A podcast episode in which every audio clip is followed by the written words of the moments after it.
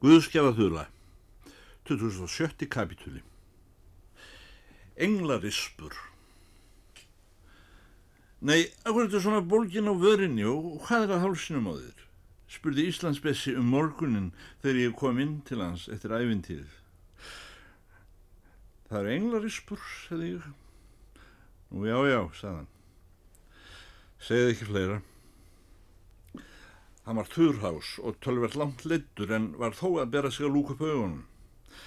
Ég held að hafi haft vekjandi áhrif á ístrun á honum að sjá þessar englarispur. Við fórum þó ekki lengra út í þá sálma í byli. Það lifnaði yfir honum til viðbótar þegar ég sagði honum að stríð hefði verið háð og bylting ger í nótt og tveila í döðir. Ennfremur verið stopnað sjálfstætt ríki sem stóði þrá tíma og fjall síðan um sjálft sig eins og önnur ríki hafa gert og eigi eftir að gera. Ístran á honum byrjuð að dúa. Stríðar höfðu skemmtun mannfólksins, sagði hann, og verður alla tíð. Stríðar er verið gutt í útverfi og kannski enn betra á bíó. Í stríði fer vel fyrir öllum sem hlust á fréttir. Líka fyrir þeim sem lesa mannkynnsugu. Ah, Guðið svo lof fyrir að maður er annarskisti. Aftur hún er bilding bara fretur. Þó fer vest ef hún tekst og stórhertoginjurnar verða mellur en mellurnar stórhertoginjur. Þegar ég var í Rúslandi að selja sild hér um árið tóku stórhertoginjurnar borgun í smjöri og stunguði upp undir sig til að fela það fyrir lögreglunni. Nú fara allt að lagast. Bara þú nærið mér í eins og einaða tvær flöskur af viski til að rétta mig af og pott af hráum eignum. Þegar ég hafði fært honum þannan mann fagnað og var að horfa á hann svelgja í sig kringum hálfpott af hóru, vissi ég ekki fyrir en dætt upp úr mér þessi barnalega spurning. Hugsaði aldrei til fólksins þins, Bessi. Bessi Hjálmarsson svarar. Nú hvaða fólk er það að tala? Ég spyr, hugsaði aldrei um drengina þína og fallegu stúlkuna doktor þína sem er veik og þessa miklu konu, konuna þína heldur skilur þau eftir einn í miðri orustunni í Harmageddon. Þessi spyr, þekkir þú þetta fólk? Nei, sagði ég, en ég sé þau. Íslands Bessi í Rámum Bassa. Það er engin vand að sjá fyrir familju, hvert skýtmenni og hver asni getur það. Familjan getur meira sér fyrir sig sjálf. Ég hef aldrei elskað aðra konu en konuna mína og hvena sem ég hugsa um börnin mín var ég að skæla. Ekki hef ég nú oft séð þið gera það, Bessi, segi ég. Bessi. Segðu mér alveg á sprellinu í gerðkvöldi. Var þetta ekki helvítis ári gott sprell? Hvað varst að segja? Dóu bara tveir? Í helvítis ári er það lítið. Mundur ekki hafa dáið hvort það var? Skýt og límonaði. Hefur nokkur séð tambustan minn? Mikið hlakka ég til að vera döður og þurfu ekki að vakna á mótnana til að busta á mér tennunar. Ég skulda enn síldarstúlkonum mínum kaupið þeirra frá sumrinu 1919 fyrir utan öll hinn sumrin.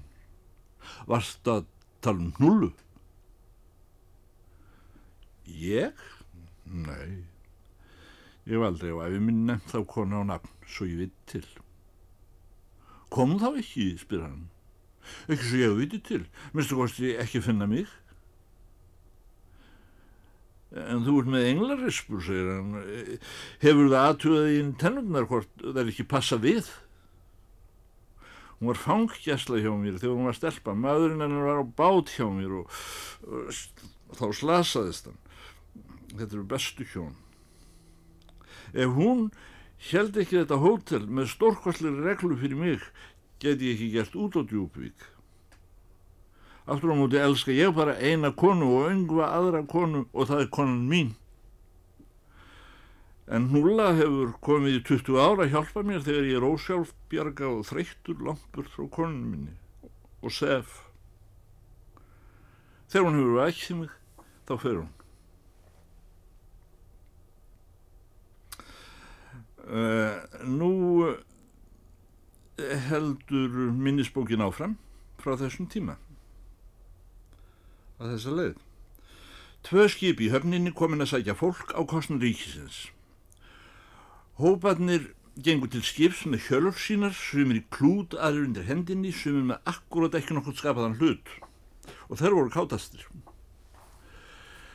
Margur var fölur og kinn af ofimiklu exportkaffi með öngu brauði. Engin sé fjörefni lengi og er ekki stöfa brennivinni að auka brjóstbyrtu. Í tögatali stóðu gúan og verksmiðurnar með frá strandinni, sömur aðeins hálfsmíðar, en loftið efnar hreinsaði til í sagnfrægu pest sem táknar peninga á djúbvík. Kapteinn Egil D. Grímsson segir Þið látið mig vita hvernig þið eru viljið taka við þessum 27 vikslum. Takk fyrir kjallega fyrir, segi ég, allir ég hugsi mig ekki um til morguns. Kaftinn, ef þið viljið get ég á stundinni gefið þur afsal fyrir búinu, þér fáið mér bara einhverja skuldaviðurkenningu til bráðabirða.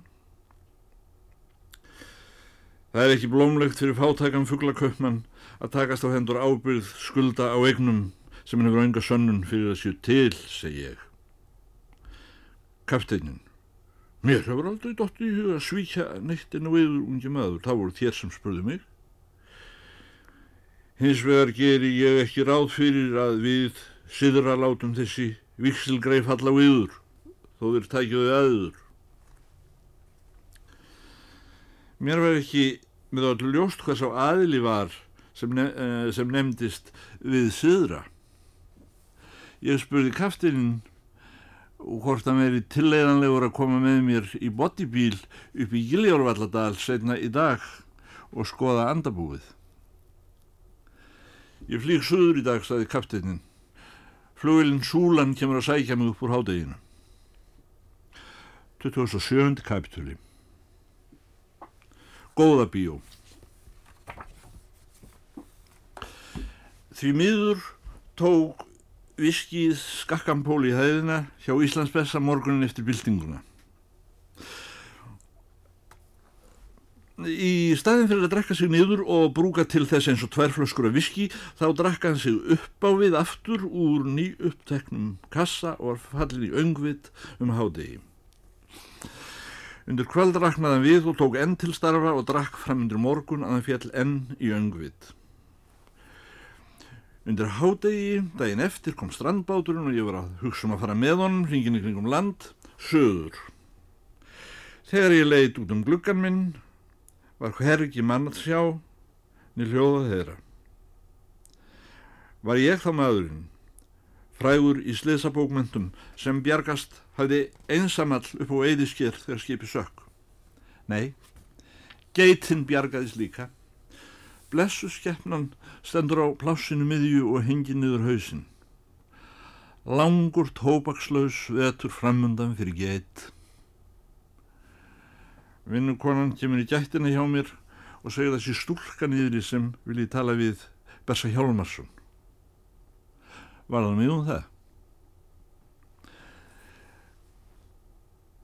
Hann er í öngviti. Og ég held að hann hefði drukkt sig niður í gæðir vinnukonan. Hann drakk sig upp aftur í nótt. Máttlust hólk, þegar það hilsar menni, grefur það höndmann stjúpt í greipsinni og ætlar aldrei að sleppa. Svo gerir þessi fadra kona, sem hefur einhvern veginn borið sig á tveim hækjum úr strandbátnum inn í þetta veraldarhótel. Hún er sterkust í hendinni. Hún situr á stól í tómri móttökunni með hækjurnar sínar um þverra kjölduna er að býða. Ögn kankvíslegt brós ljómar enn í þessum bláskeru augum um lauðu hún líkur mig þungri hendinni. En brosi dopnar æð því meir sem hún heldur mér lengur unstadegir. Hún hvíslar, þekkir þú mig ekki aftur? Ég svara, jú, ef það er þú sem ég held. Bergrún Hjálmarsson, segir hún.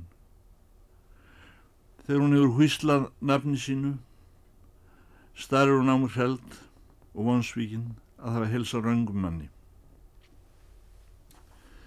Tekur fyrir munn sér og hvíslaði lóa sinn. Nei, við um álega aldrei sérst, fyrir ekki við mér. Síðan þerra hún augun og segir, lág mér tala með hann pappa.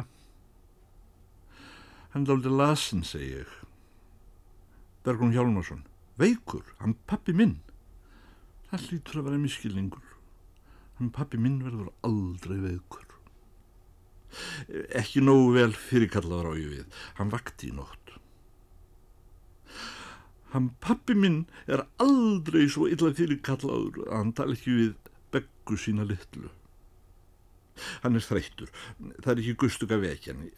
Ég er næstum því vissum að hann verður betur fyrirkallaður á morgun. Má ekki bjóður morgun verð. Mér langar ekki það, sagði Súlun.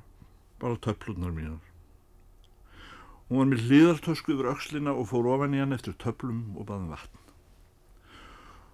Hún tók töflur úr mörgum stökum. Mér síndist hún að þreytt og spyr hann hvort hún vil ekki leggja sig. Þá mætti ég ráðleikjenni að fá sér eitt egg. Þó ekki verið nema til að styðja við töflunar. Hún horfið lengi á mig undrandi þannig að hún segir Ég borða aldrei egg. Ég finn þú hefur orðið fyrir vonbreyðum um mig, segi ég. Nei, segir hún, en viðbjóð á eggjum. Má ekki kalla á frúna svo hún útbúi eitthvað holdt og gott handa yður, spyr ég. Hún segir, segi mér nú einu sinni satt og svo aldrei oftar. Er hann pappi minn dáin? Hefur hún myrtan? Stúlkan var einu af þeim sem aftakka allt sem þeim er bóðið en taka þegjandi við því sem settir fyrir þær.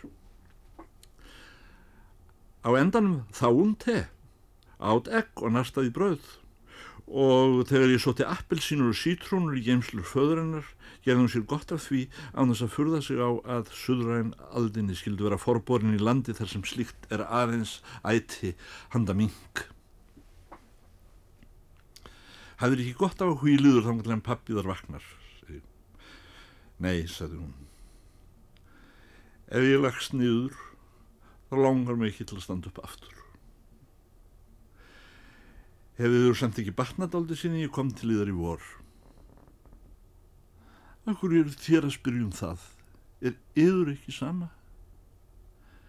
Er kannski óskup að sjá mig? Sá sem hefur mannlega tilfinningar spyr aldrei hvernig við öðrum líði. Í bókinni yðar, hjúonum í Guðagerði og hungursneiðinni í Persilíu, það leiði öllum illa. Það því þeir voru ekki veikir. Ég hef tvo sjúktóma. Þeir halda lífinu hverju öðrum. Vonandi drefast þeir líka hverju öðrum en þegar ég hjá pappa þá er ég sæl. Þakkaður innilega fyrir að minnast á bækurnar mínar aftur og sérstakar þakkir fyrir brefið þeir í sömur, það var indislegt. Ég vona þeir hafi fengið svar frá mér. Ég veit ég er verið fyrir vonbröðum að sjá hækjurnar mínar. Í vor faldi ég hækjurnar. Sveikiður. Ég passaði sæð ekkert af mér nema hendunar og augun og hárið þó þessi litað. Ég skrapp og let útbúa henni herbergi til bráðabyrðan eða hann væri býðið til föðu sinn, kom aftur og saði að herbergið hannar væri til reyðu.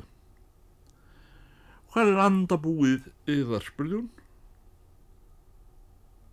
Ég sagði að ég væri næri búin að taka að mér 27 viksla vegna þessa bús. Við förum þanga þegar þú segir til. Senna, sagði hún. Kanski aldrei. Mykse við. Ég böðst til að hjálpa hennu upp í herrbyrgi til sín. Þú mútt ekki horfa á mig með ég að reyna að standa upp, sagði hún. En ef það er upp stiga máttu styðja við mig, soldið. Ég bar hann upp stigan og hún held á hægjónum sínum. Ég skildi ekki alminlega hvernig hún hafi komist af strandbátnum hingað á hótelið, einsömmul. Ég saði henni að þegar hún væri búin að hvíla sig þá ætlaði ég að bjóða henni á góða bíó. Það verði ekki svo langt hérðan, auk þess getum við ekið. Ég sagði að ég veri enn ekki farin að fara á bíó í sumar og hefði ekki haft neina dömu ég er vissum ég hef undinir verið að býða eftir þér Hói, sagði hún svona tala aldrei mínir menn við mig nei, nei ég ætla ekki að liggja upp í rúmi. Það er þar sem það er bara sitt í stól og leggja aftur augun og þú ferð út frá mér núna og kemur aftur þegar pappi minn er vaknaður. Ég tel þetta kvikmyndahús góða bíó hafa verið með betri húsum af því tægi í Evrópu um þær myndir. Að öruleiti leifi ég mér að vísa til rítgerðar sem prentuð er upp hér að framann eftir fyrirrennarar minn í rítstjórn Norðurhjarrans. Mætti ég bæta stuttri æfisugu bíó eigandans við þá lýsingu. Þetta var nettmenni og hálarður apotekari. Hann bar þýst nafn af því hann var komin út á svonundum dönskum kaupmönnum frá fyriröld en þeir voru mestanpart þýskir gýðingar úr dönsku stórhörtugadæmunum. Tó Ísland væri auðmasti partur Danaveldis var það samt nógu ríkt til þess að góður og gegnir gýðingar úr Slesvík og Holstinn eh, komist í álunir hjá okkur og urðu í næstu kynnslóð og framvegis embetsmenn, stjórnarherrar og íslensk þjóðskáld. Þetta fólk er haldið fyrir Dani á Íslandi, þó ekki sé í því danskur blóðdrópi. Gamli apotekarinn á Djúpvík var þess konar maður að í kjallaranum hjá sér seldi hann vöru sem hétt eitthvað latínu. Þegar hann var komin upp kjallarastegan sinn var hann orðin kvikmyndastjóri og sérfræðingur í því vilda vestri, draumalandinu þar sem feimininn fær að koma fram í sinni náttúrlegu mynd og í stað þess að við þegjum og róðnum þegar við sjáum ókunnan mann þá skjóðum við hann. En ef þessi apotekari helt áfram upp næsta stiga þá þýtti Hannabjálki einfallega það sem orðið segir og hann var orðin yfirmaður þeirra fuggla sem gera úr sorpi ljúfengustu kræsingar heimsins og hafa rött sem líkist mannamáli álengdar. Það var dálítil súrfíla af hænsna drittnum í bíóinu. Apotekarinn tók svörtu silkihúuna ofan fyrir okkur og flettaði með fingrum annarar handar silkimjúkt síðskegg sitt gullgrátt meðan hann hlusta á erind okkar. Hann sagði að bíóið væri ekki opinn nema eftir samkomulagi, úr því svona væri áliðið sumars. Auk þess væri hann búin að skila aftur úr láni þeim filmum sem ekki væru ripnar og slittnar af kerslu eins og til dæmis hinn í heimsfrægu mynd af Tom Dick og Myrnu Lói. Þó kynni einaða tvær ripnýjur að leynast eftir í fórum sínum. Hann sagði að ef hann reyndi að renna svona rifrild í gegn gæti svo farið að það slittnaði í meðjú kafi en þá var svo búið til máli að loftskatið var opið upp á hanabjálkan og þaðan mætti heyra kvak hænsnanna svo við hjónun myndum ekki finna til þess að við værum eini í heiminum. Kvak, sagði ég. Já, sagði apotekarinn. Í íslenskum fornsugum er kvak aldrei haft nema um ekki að hljóð hænsna. Þessi gýðingur sveik ekki neitt á neinum. Hann sagði kost og löst á sinni vöru. Hann hjálpaði mér til að styðja Bergrúnu Hjálmarsson inn í bíóið. Ég bar hægjutnar hennar. Hann gaf Bergrúnu Hjálmarsson tvennskonar hjartastyrkjandi töflur sem hétu eitthvað á latínu og sagði þessi gjöf verið skuldaviðurkenning sín fyrir skjær augu hennar og bjart hár. Hann sagði að gulutöflunar væri gott að taka þegar myndin ætlaði að verða of áhrifamíkil. Svo grænatablan myndi hjálpa frúnni til að þræja myndina af á þeim pörtum sem hún veri of langdrein og síðan e, vísaði hann okkur til sætis á fyrsta imbekk og slökti ljósin. Í dag voru ekki aðrir bíógestir. Ég reisti hækjurnarinnar upp við næsta sætaröð fyrir aftan. Stúlkan grúði sig í tárum og hann í ökslin á mér í myrkrinu og andvarpaði af hverju fæ ég ekki að sjá hann pappa minn? Er verið að leina mig einhverju? Er pappi minn kannski dáinn? Nú kom geyslinn á kvikmyndatjaldið og von bráðar hefði jammandi ljón metrogóldrun mæir félagsins. Ég fann tár þessarar aflvana konu á beðrum hálsi mér. Allt var hljótt um stund og ég lofiði stúlkunni að hvíla höfuð sitt. Þá góla hanninn og stúlka var hrætt. Guð, ég þól ekki að í hænsnum, sagði hún. Það er viðbjóðslegt að hryllilegt. Guðun almáttur verðstu hjá mér. Það var slitið framann af filmunni svo myndin byrjaði ekki fyrir rauðskinnarnir voru að læðast heim á húsinu. Þeir komið til að ræna þeirri fyrirmyndar kvempersonu sem svo vildi til að gisti hjá Tom Dick á búgarði hans á frontíjarunum þessa nótt. Þarfum næturgessins hafi verið synd um kvöldið og Tom Dick vísaði stúlkunni til sangur af engilsaksniskri háttvísi. Allt í siðisemi en eftir vill ögn ófullnægandi. Tom Dick býður góða nótt, lokar á eftir sér, fer. Stúlkan dótar sig svolítið undir svefnin og fer upp í til sín. Stúlkan er lukkuleg, stúlkan er að dræma. Allt í hennu kemur voðalegur maður ennum gluggan. Indiáni. Stúlkan vaknar og þarf að fljúast á við Indiánan. Indiánin yfirbúa stúlkuna.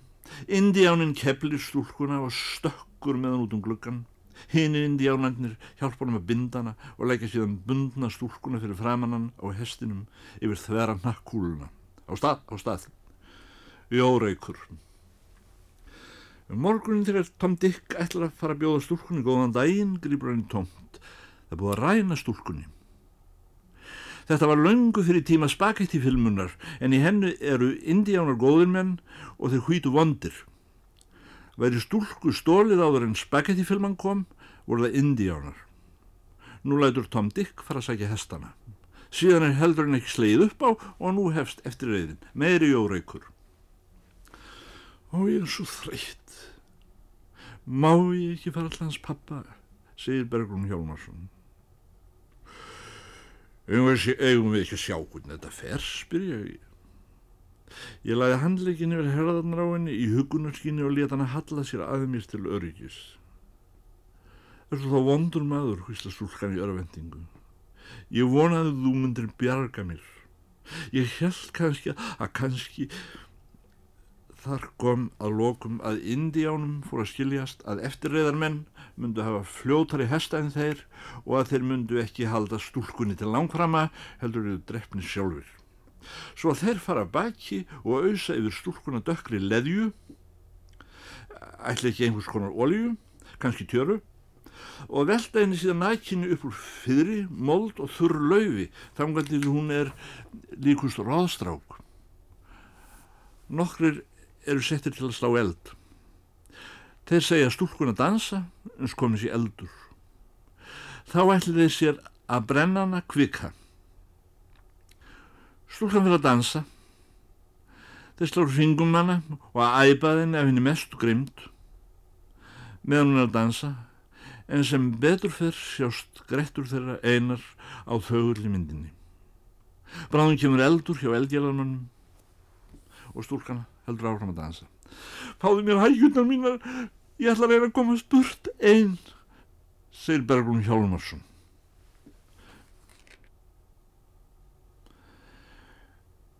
28. kapitúli Andabúið Hér les ég úr minnisbókarslitri sem er hripað þennan dag í Andabúi hjá Giljórvallavetni. Það er ekki komið haust og þó ekki sumar lengur. Heldur ástíð sem á sér ekki nafn. Má vera engin tíð sér til nema svo sem kapteitin Egil Grímsson skilur. Góð eða vond tíð. Veðurlag. Það málar til aðtugunar. Þegar búið var að flytja stúlkuna í sjúkra skýlið áfast læknisbústaðnum og hafðanda slösum sjómanum. Þá baði ég kallin með bodybílinn að aka mér að Giljárvalla vatni til að skoða andabú sem ég stæði til bóða þar á heiðinni og mér minnir ég hafi minnst á áður hér í dagbókinni. Þetta stöðvann liggur í lykkjum og er því á oflánt vatn ef það veri tekt á langvegin.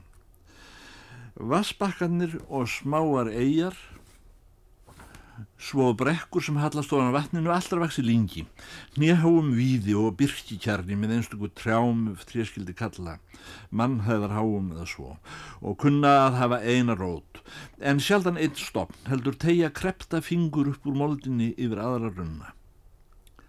Ég hef gengið úr skugga um að hérna hefur verið reist hús. Það eru úr járnbendri steinsteipu og ekki ólíkt konungshöllinni í Versölum í læginu nema ófókald og báru hjálna þækinu. Röðningurinn úr húsgrunninum er sumstaðar herri en húsið. Hvernig sem ég leita finn ég hver ekki andabúð sem bankin hefur að veði fyrir lánum sínum. Hafði ég í rauninni búist við því að þetta andabú veri til og þá hvers vegna? Guðs mildi að ég hafði ekki farið hinga með hvern mann. Allt um það Hér var tilvalið náttúruheimkynni andar en það var í fljótur að koma auga á nokkra einstaklinga, tvær eða þrjár tegundir, nokkra með stálpaða unga.